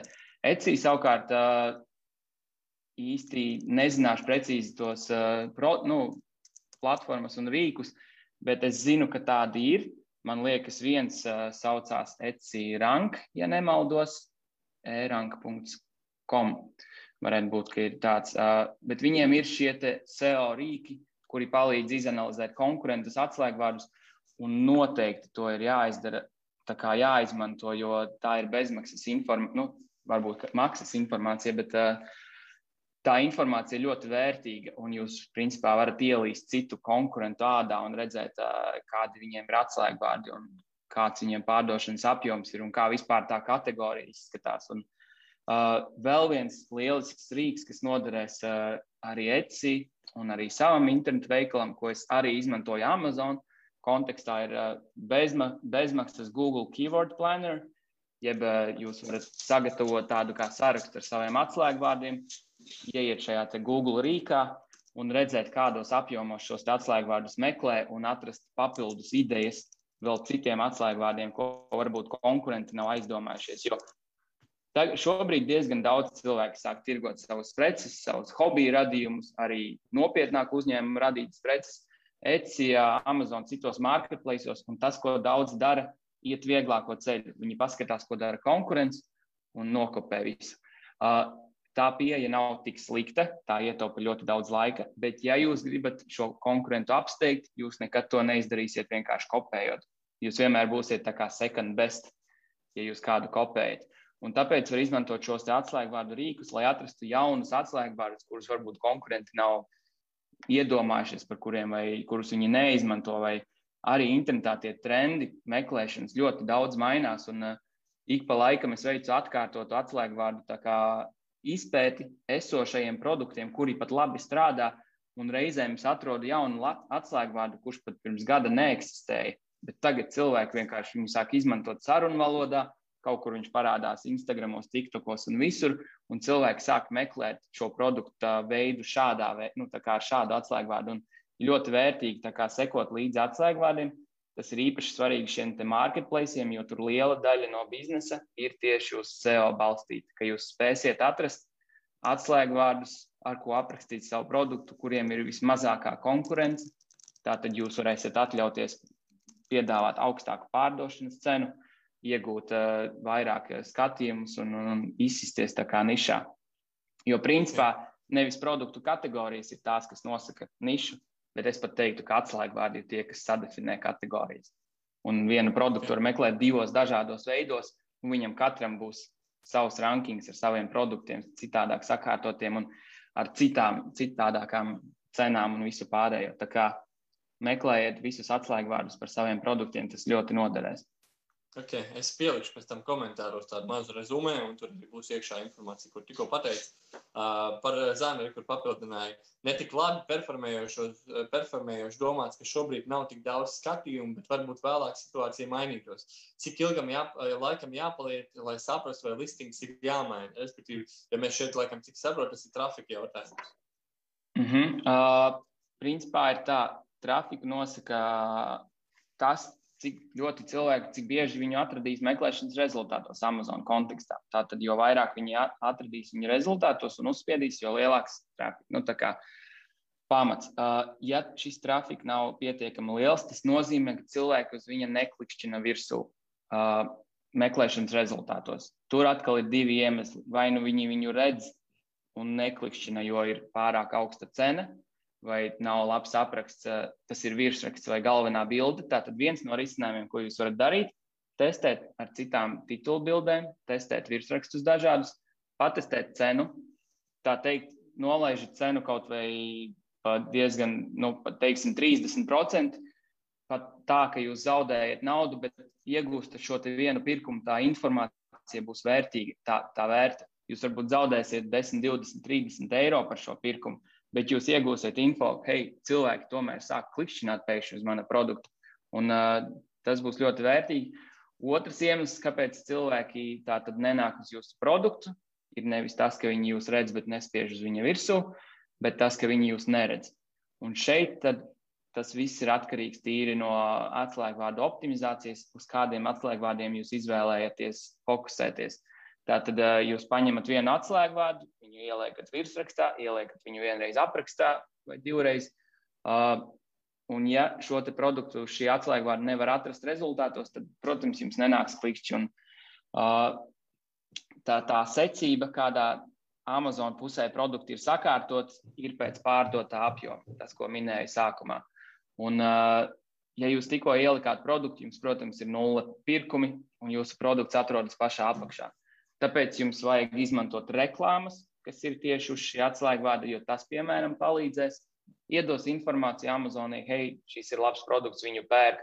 Un, uh, tās ir tās galvenās metodes, ko var izmantot, lai dabūtu šos klikšķus. Uh, izdzēšot un ieliekot produktu, situācija nekādi nemainīsies. Tur ir jāstrādā ar virsrakstu, ar cenu, ar atsauksmēm un ar reklāmām. Un, uh, principā tāds uh, ja mēs runājam par to, kurā brīdī saprast, vai ir labi vai slikti, šis laikam ir viens no populārākiem jautājumiem arī. Kā, kad cilvēki pēc pirmās nedēļas saka, nekas nenotiek, tas viss ir normāli. Tātad, ja jūs iegūsiet, ja jums ir šis seller fulfilled metode, ka jūs sūtat preci no, no Latvijas vai no citas ražotnes, ja jums iegūsiet vienu pirkumu pirmā mēneša laikā, tas ir ļoti labi priekš Amazonas. Tas jau ir labi. Tas nozīmē, ka ir noindeksējušies atslēgvārdi un jūsu produkts kaut kur aizķērās un parādījās. Atslēgvārdu indeksācija, jeb tas, kad Amazon piesaista jūsu produktu dažādiem atslēgvārdiem, aizņem vienu līdz divas nedēļas. Līdz ar to pirmās divas nedēļas pat tur nekas var nenotikt, un tas būs arī pilnīgi normāli. Protams, ir produkti, kur uh, iegūstam pirkumus uh, uzreiz jau nākamajā dienā, vienu, divus pirkumus. Uh, Nu, tie ir tie saucamie supersāra produkti, no kuriem mēs sagaidīsim ļoti labus rezultātus nākotnē, bet ir pilnīgi ok, ka produktu sākumā nepērk un pērk ļoti maz. Mums pašiem šobrīd viens no labākajiem produktiem, kuru mēs tirgojam ļoti lielos apjomos, tieši tā arī sākās. Mēs pat pirmajā mēnesī neko nedabūjām, pamainījām bildi, uzlabojām virsrakstu, ieguvām pirmos trīs pirkumus nākamajā mēnesī ieguvām pirmo atsauksmi, pēkšņi sāka nākt vairāk pirkumi, jo cilvēki produktiem ar atsauksmēm vairāk uzticās, vairāk klikšķina viņus virsū. Un tā nu viņš šobrīd ir aizaudzis jau līdz ļoti lieliem apjomiem, un uh, tas apgrozījums no šī produkta ir diezgan labs. Un, uh, jā, tātad pacietība un uh, mēģināt iejusties šie, šī potenciālā pircēja ādā. Un, tātad, lai viņš jūsu produktu nopirktu, viņam viņš vispār, pirms tā produkta lapa jāatver vaļā lai viņš šo lapu atvērtu, viņam tas produkts ir jāatrod meklēšanas rezultātos. Lai viņš uz viņa noklikšķinātu meklēšanas rezultātos, tur jābūt labai cenai, labai bildei, labam virsrakstam, jo tas ir tas, ko redz meklēšanas rezultātos. Un šādi pa ķēdītei jūs varat mēģināt iejusties klienta ādā un optimizēt katru šo soli atsevišķi. un paskatīties, vai tas palīdz vai nē. Es, es viņu saucu step by step domāšanu. Domājiet par soļiem, do, meklējiet, kurā solī jums ir problēma, jeb nezinu, faneļa domāšana. Vienalga, jūs vienmēr meklējat, kur ir tā problēma. Tāpēc ir svarīgi būvēt šos savā galvā šīs izpratnes, kas ir šie soļi, vai uzprasīt, pieņemsim, tādam pašam Jānim, klausies, kā izskatās šie soļi, un tad meklēt problēmu šajos soļos. Tāpēc, kad, uh, tā, tas ir visi pamatā pārdošanā internetā, visi pamatā ir tas, ka jūs meklējat problēmu soļos, kur tad jums tie klienti krīt ārā, un tad meklējat iemeslu, un tad labojat to iemeslu, un tad ejat pie nākamās. Tas kā never ending story, tas visu laiku ir jādara, bet uh, jādomā, iet savu šo soli pa solim pieeju, jāmeklē, kur tad ir tā galvenā problēma šobrīd. Uh, es vēl piemetīšu par to pašu produktu. Ja, ja viņš nedēļā saņem vismaz uh, 20 skatījumus, tad viss ir kārtībā ar pirmajiem soļiem un ir jāstrādā pie, pie pārliecināšanas, nu, lai, saturs ir, lai saturs pārliecina klientu nopirkt. Ja 20 skatījumu nedēļā, tā ir laba zīme, kad Amazon klienti viņu atrod diezgan aktīvi. Un, ja šie skatījumi nāk bez pirkumiem, tas nozīmē, ka algoritms jūsu atslēgvārdus ir novērtējis ļoti labi, neskatoties uz to, ka jums pat nav pirkumi. Jums ir labs mečs, tā kā sakritība ar to, ko cilvēks meklē. Un tad jums ir daudz, nu, ļoti vienkārši jāpadomā, kas varētu būt tas, ka klienti norojās no viņa nost, vai, vai kādas bildes pietrūkst. Varbūt nav pieminēti apraksti, Varbūt uh, sūtījuma izmaksas ir pārāk lielas, varbūt gaidīšanas laiks ir pārāk liels. Uh, tur, jā, jā, ja jūs iegūstat 20 skatījumus nedēļā, ļoti laba zīme. Tad domājiet, kā pārliecināt klientu, kā padarīt šo pirkumu vilinošāku. Cik, cik ir tā vidējais, pieņemsim, ja ir kaut kādi simts apmeklējumi, pieņemsim, ja mēs ņemam tādu rekomendāciju standartu savā lapā, tad tur ir kaut kādi 2%, 2% līdz 3% ir tāds ļoti labs rādītājs. Kas ir Amazonā tāds labs rādītājs? Uh, no, no Jā, atkarīgs ļoti no kategorijas, bet principā, ja nav atsauksmes produktam, tad tas ir 1% līdz 2%. Ļoti maz, pat arī mazāk. Ja ir atsauksmes vairākas, jau tad uh, tas ir aptuveni 5%. Un, ja jūs perfekti optimizējat uz īstiem atslēgvārdiem, kur tas search intent, jeb tas, ko cilvēks meklē, sakrīt, vai arī, piemēram, ja klients meklē jūsu brendu, tad tas conversion rate var būt pat 10 un 20%. Tā kā viss ir atkarīgs no kāda atslēgvārda viņš nāca. Un tā statistika tāpēc drusku ir neusticama. Ja salīdzinu produktu, kurš tirgojas tikai pateicoties brenda nosaukumam, viņam conversion rate ir daudz augstāks. Uh, savukārt produkti, kuri tirgojas vairāk uz atslēgvārdiem, nevis uz brenda, viņiem šis conversion rate būs mazāks. Bet es teiktu, vidēji tāds labs uh, uz ko tēmēt, labs skaitlis ir 3 līdz, uh, 3 līdz 7%. Tas tajā intervālā vajadzētu tikt iekšā, ja ir atsauksmes un labas bildes. Un tālāk, tad jau ar bilžu uzlabošanu, ar cenām, ar atlaidēm un visādām tādām lietām, jūs varat šo procentu bīdīt uz augšu. Un to arī Amazon novērtēs, jo viņi labāk algoritmā parāda produktu, kur no simts skatījumiem ir desmit pirkumi, nekā produktu, kur no simts skatījumiem ir viens pirkums jo viņi Amazon nopelna no tā pirmā produkta daudz vairāk. Tā kā conversion rate ir viens no faktoriem, ko viņi vērtē. Tad tas pirmais darbs, par ko mēs runājam, izdomājot, kā dabūt tos simts cilvēkus. Ja neviens nenopērk, tad, tad, tad meklēt vēl kaut kādas problēmas aprakstos un tā tālāk. Mhm, tāpēc, mm -hmm. tāpēc es to konversijas jautājumu prasīju, tāpēc tikko cik ir jāizcīna apmeklējumi, lai tu varētu pateikt, ka problēma ir nevis tā, teiksim, headlinos un, uh, un bildēs un kategorijās, bet problēma ir kaut kur jau tavā produkta lapā un tur ir tā optimizācija. Jā, es teiktu. Tā mums ir vēl viens jautājums. Es... Jā, 50 līdz 100 skatījumu Amazon kontekstā. Ja nav pirkumu, tad problēma ir piedāvājumā. Un tā kā cena bildes okay. pārliecināšana. Super. Uh, mums ir vēl viens jautājums, vēl divi jautājumi no vēl viena cilvēka. Es domāju, ka to mēs paņemam kā pēdējo jautājumu. Pārējos jautājumus droši liekat, mēs pēc tam atbildēsim, jo gan Jānis, gan es redzu jautājumus, un es arī ielikšu rezumē par visu, ko mēs šodien izrunājam. Tā kā šis video paliek arī ne tikai live formātā, viņš ir ierakstā, turpinās, un ja ir kaut kādi jautājumi, jautājiet. Uh, Es ieteiktu jautājumus jautāt kopējā čatā, jo tad kādam varbūt vēl tas palīdzēs bez jums, bet noteikti var rakstīt pat aizsno arī Jānim, bet uh, tas būs noteikti ātrāk. Tātad mums ir jautājums no Kristapa Nogoboda, es ceru, ka pareizi izrunāju uzvārdu. Uh, vai redzēja, uh, un ja nav noslēpums, kuras ir perspektīvas produktu kategorijas, kas šobrīd Amazonē vēl nav plaši pārstāvēts, Pieņemsim, tu minēji par bērnu mēbelēm. Varbūt ir vēl kaut kādas kategorijas, kuras tu zini. Sveiciens Kristapam.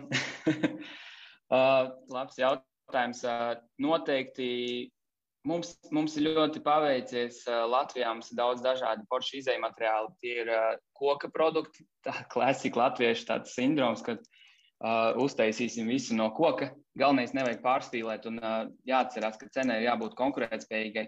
Bet noteikti mēbeles, uh, rotaļlietas kaut kādā formā, uh, ek, arī eko preces, ja, ja, ja, ja viņas nav pārāk dārgas, jo tad viņas algoritmā atkal nepatiks.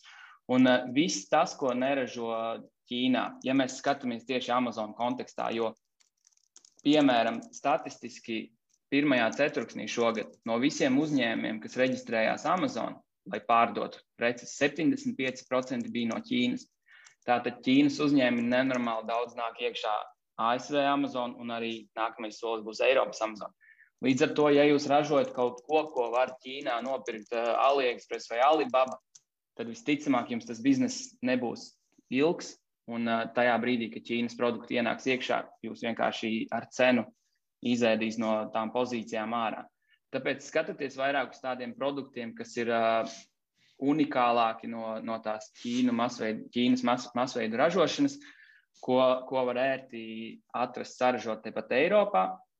Un jā, tā, tās ir bērnu, bērnu kategorijas preces, mēbeles, uh, rotēlietas. Te, tas noteikti ir uh, kaut kādi avansētāki te, tehnikas risinājumi. Piemēram, uh, viens no klientiem ir uh, Luxafor, kas ražo it kā USB gaismiņas un tādas lietas, bet viņas ir saistītas ar produktivitātes aplikācijām un visu. Un, uh, jā, unikāli produkti, kuriem uh, nav tāda konkurence, piemēram, tas pats Velosok. Viņiem ir ļoti liela konkurence īstenībā no Ķīnas ražotājiem, ja tā skatās to tirgu. Bet viņi spēja noturēties, jo viņiem ir foršs brands, kurš, eh, kuri labi māca pozicionēt sevi. Produkts viņiem ir trīsreiz dārgāks kā konkurentiem, bet viņi tik un tā tur labu līmeni Amazon. Protams, ar laiku aizvien vairāk un vairāk ienāks lētie produkti, bet uh, viņi savu to ceļu izkaroja, jo bija pirmie šajā industrijā.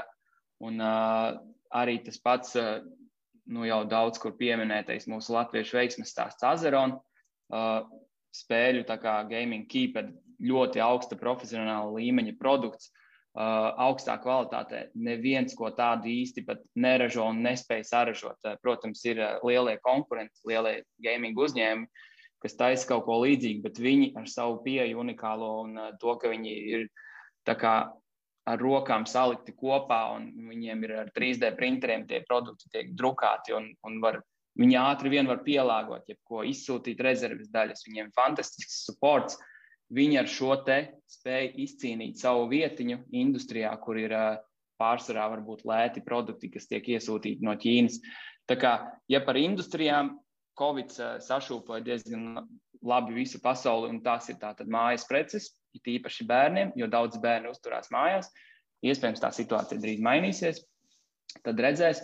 Otrs ir uh, gaming industrija. Ne tikai klaviatūras, bet arī visādi citi accessori gaming. Un uh, noteikti tagad ir vērts sākt domāt par kaut kādiem uh, ceļošanas accessoriem, travel, road trips, ļoti populāri augoši atslēgvārdi, cik esmu skatījies. Nenormāls sprādziens tajā visā industrijā ir. Uh, cilvēki sāk vairāk ceļot. Un, principā sekojot līdzi kā, pasaules trendiem, jūs spēsiet atver, atrast tās uh, kategorijas populārākās, jo viņas ik pa laikam mainās. Bet šobrīd, jā, mājas lietas, bērnu lietas, gaming lietas un uh, ceļošana un uh, atpūta. Outdoors tieši vasaras sezonai arī ļoti, ļoti daudz nišu, man liekas, pieminēja. Es, es vēlreiz atkārtoju, es visu to pēc tam ielikšu tajā rezumē, tā ļoti labi, paldies, ļoti vērtīgi, man liekas.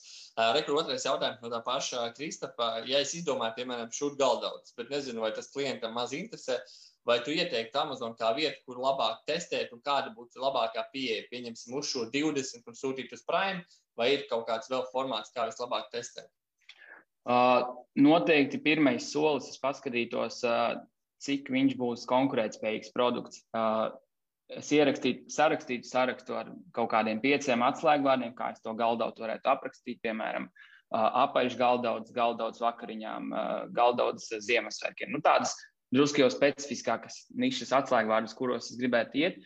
Un tad es atvērtu vaļā Amazon un paskatītos vidējās cenas pirmajā lapā. Ja mans produkts ir divreiz dārgāks par to, kas ir pirmajā lapā, tad visticamāk Amazon būs ļoti grūti izsisties, ja vien nebūs spēcīgs brands vai kaut kas ļoti unikāls. Tādā gadījumā, ja šis ir dārgāks produkts, tad es pat teiktu, ka Etsy ir labāka vieta, kur notestēt to pieprasījumu un tā teikt, pilnveidot produktu. Trešais tests, protams, ir uh, savs veikaliņš un uh, Facebook reklāmas, bet uh, tas galdautu gadījumā visticamāk nebūs izdevīgi. Bet jā, ja Amazon tā cena ir konkurētspējīga, plus mīnus, viņai nevajag būt vislētākajai. Galvenais ir labas bildes, produkta, kuras izceļas uz citu fona un labs apraksts. Tad uh, var ielikt uz divām nedēļām Amazon iekšā kā seller fulfilled, ja jūs paši sūtat no Latvijas, paskatīties, vai kaut kas notiek.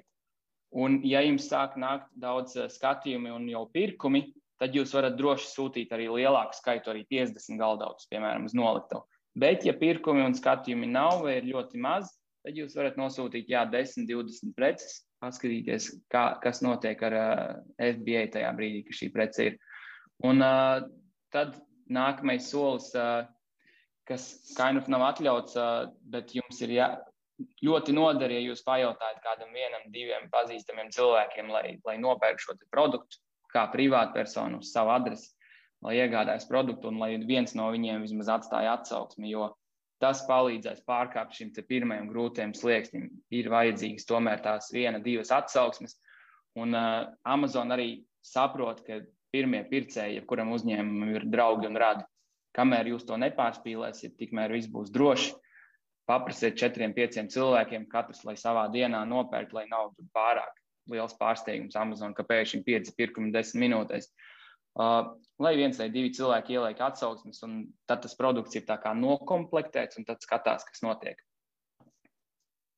Okay. Uh, es par, ja par testiem, mans viedoklis, es ieteiktu paņemt uh, testam vienmēr izvēlēties mērķautories grupu konkrētu, saprast, kur tie tev jāldaut, kāpēc viņi, uh, un, uh, un notestēt uz to pašu, pat bez produktu to var izdarīt ar kaut kādām render bildēm vai kaut kādiem tur pieļaujamiem izskatiem notestēt uh, uh, caur Facebook reklāmām, jo tas ir visātrākais veids, kā izdarīt. Un tālāk, ja tur ir kaut kāda atbilde, ir kaut kāda, tad tālāk jau būvēja tālāk, var iet uz. Uh, nu, tāpēc, ka tas solis ieiet Amazonā, viņš ir diezgan pagaršs. Uh, salīdzinoši, pieņemsim, iztestēt kaut kādu ideju kaut kādā savā veikalā. Tas, nu, mums ir bijuši, bijuši gadījumi, kad mēs trijās dienās varam iztestēt uh, ideju un saprast, vai viņi vispār ir ejoši vai nav. Un tālāk jau jautājums, kā viņi attīstīt. Tā kā mans ieteikums būtu, uh, varbūt, ja gribās par testiem runāt, tad izdomājiet to mērķa auditorijai un nokomunicējiet viņu kaut kādā konkrētā reģionā tieši caur Facebook reklāmām. Uh, Jūs ne, no ko nenopelnīsiet, bet jūs vismaz ieraudzīsiet, vai kādu vispār tas interesē. Um, kā tev ir Jāni ar laikiem? Mēs varam vēl uz jautājumiem atbildēt vai pēc tam? Mm -hmm. Varam. Jā, super. Uh, Rekur Anta Akpināra jautā, kā ir ar trendiem pārtiks ražošanā un pārdošanā? Uh, Droši vien par Amazon tieši jautājums ir. Mm -hmm. uh, pārtika un tās visas lietas ir uh, tā saucamās gated kategorijas, kur vajag apstiprinājumus. Un, uh, Amazon ir dažādi gari dokumenti par to, ko drīkst pārdot un ko nedrīkst pārdot. Un viņiem visiem šiem dokumentiem augšā ir piebilde, ka viņi var bez iemesla izdomāt, ka šo preci tu nevari pārdot. Un, uh, man bija diezgan slikta pieredze ar vienu ražotāju produktu. Viss atbilda noteikumiem, bet beigās mums viņu neļāva ievietot iekšā. Mēs bijām iztērējuši diezgan daudz laika.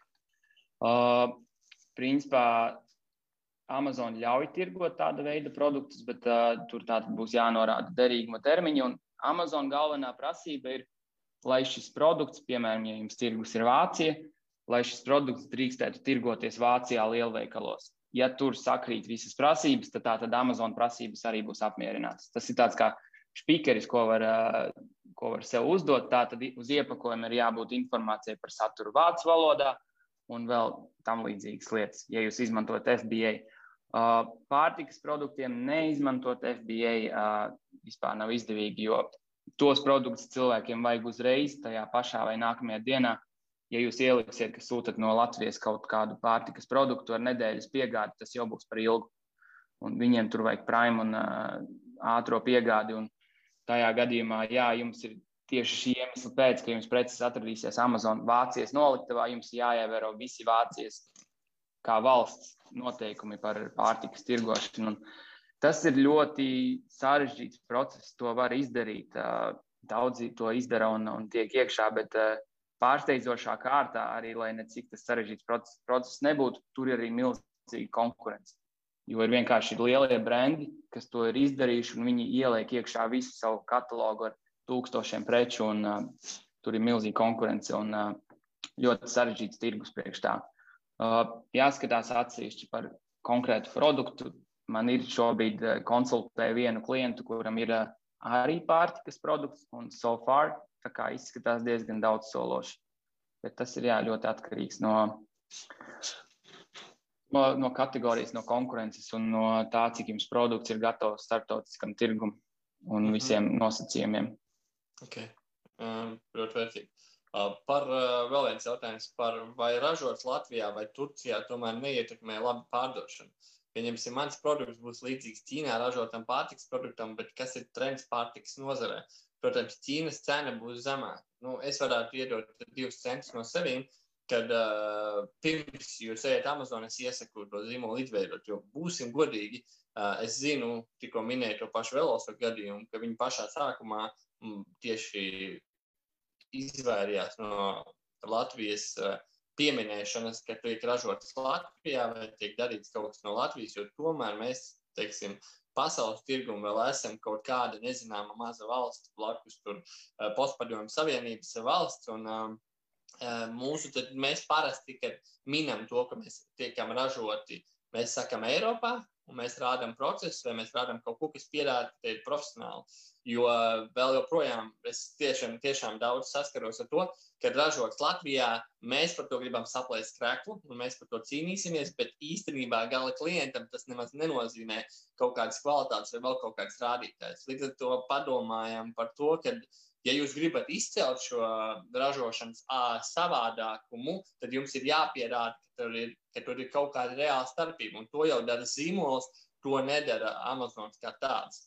Un es teiktu, ja mēs runājam par to, kad, uh, kur tiek ražots, un mēs, mēs pārdosim dārgāk, tāpēc, tiek ražots kaut kur citur, bet tas ir zīmola jautājums, uh, nevis uh, Amazon jautājums.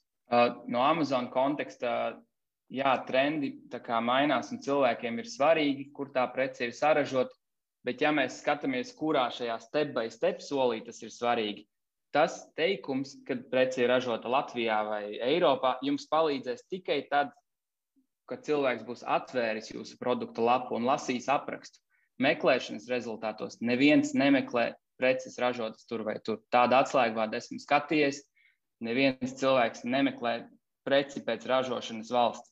Viņi meklē preci, kas atrisina viņu problēmu, tad viņi atver tās pirmās, kas tur parādās, piemēram, trīs vaļā, un tad viņi lasa aprakstus. Un tajā brīdī, ja jūs esat starp šīm precēm, kuras atver vaļā, tad jums tas var palīdzēt.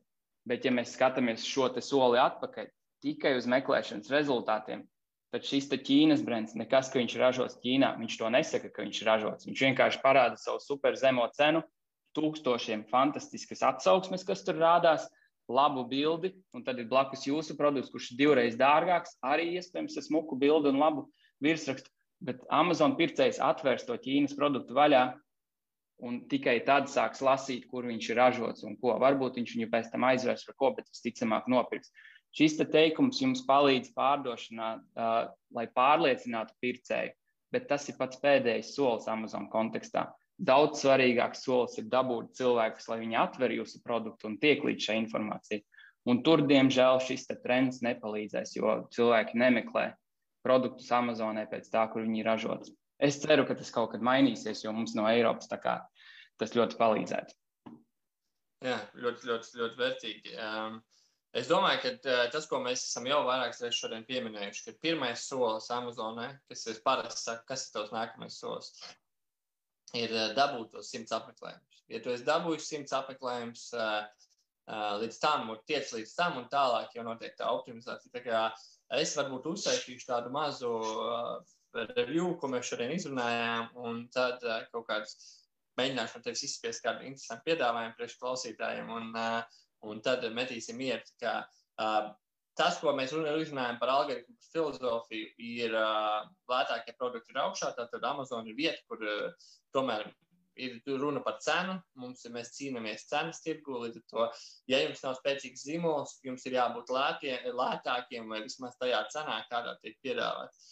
Uh, Amazonas princips ir septiņas reizes nomēra, vienreiz izdara, tāpēc, ka izdarot kaut ko nepareizi, visdrīzāk, ka tev būs ļoti grūti to izlabot, un tu apstādināsi jebkādas pārdošanas apjomus uz vairākiem mēnešiem. Um, obligāti jāsako līdz atslēgvārdiem, jo vienā brīdī Jānis ļoti labi minēja, Šeit nav stāsts par, atslēg, par kategorijām, šeit ir stāsts par atslēgas vārdiem. Testējam to visu. Jānis pieminēja divas aplikācijas. Viena ir Jungle Scout, kas ir Amazon analīze iekšienē. Otra ir Google Keyword Planner, kur mēs varam atrast kaut kādus atslēgas vārdus, kas um, mums var dot kaut kādu potenciālu vietu. Par izmaksām. Tātad 15% komisija, jāmaksā PVN.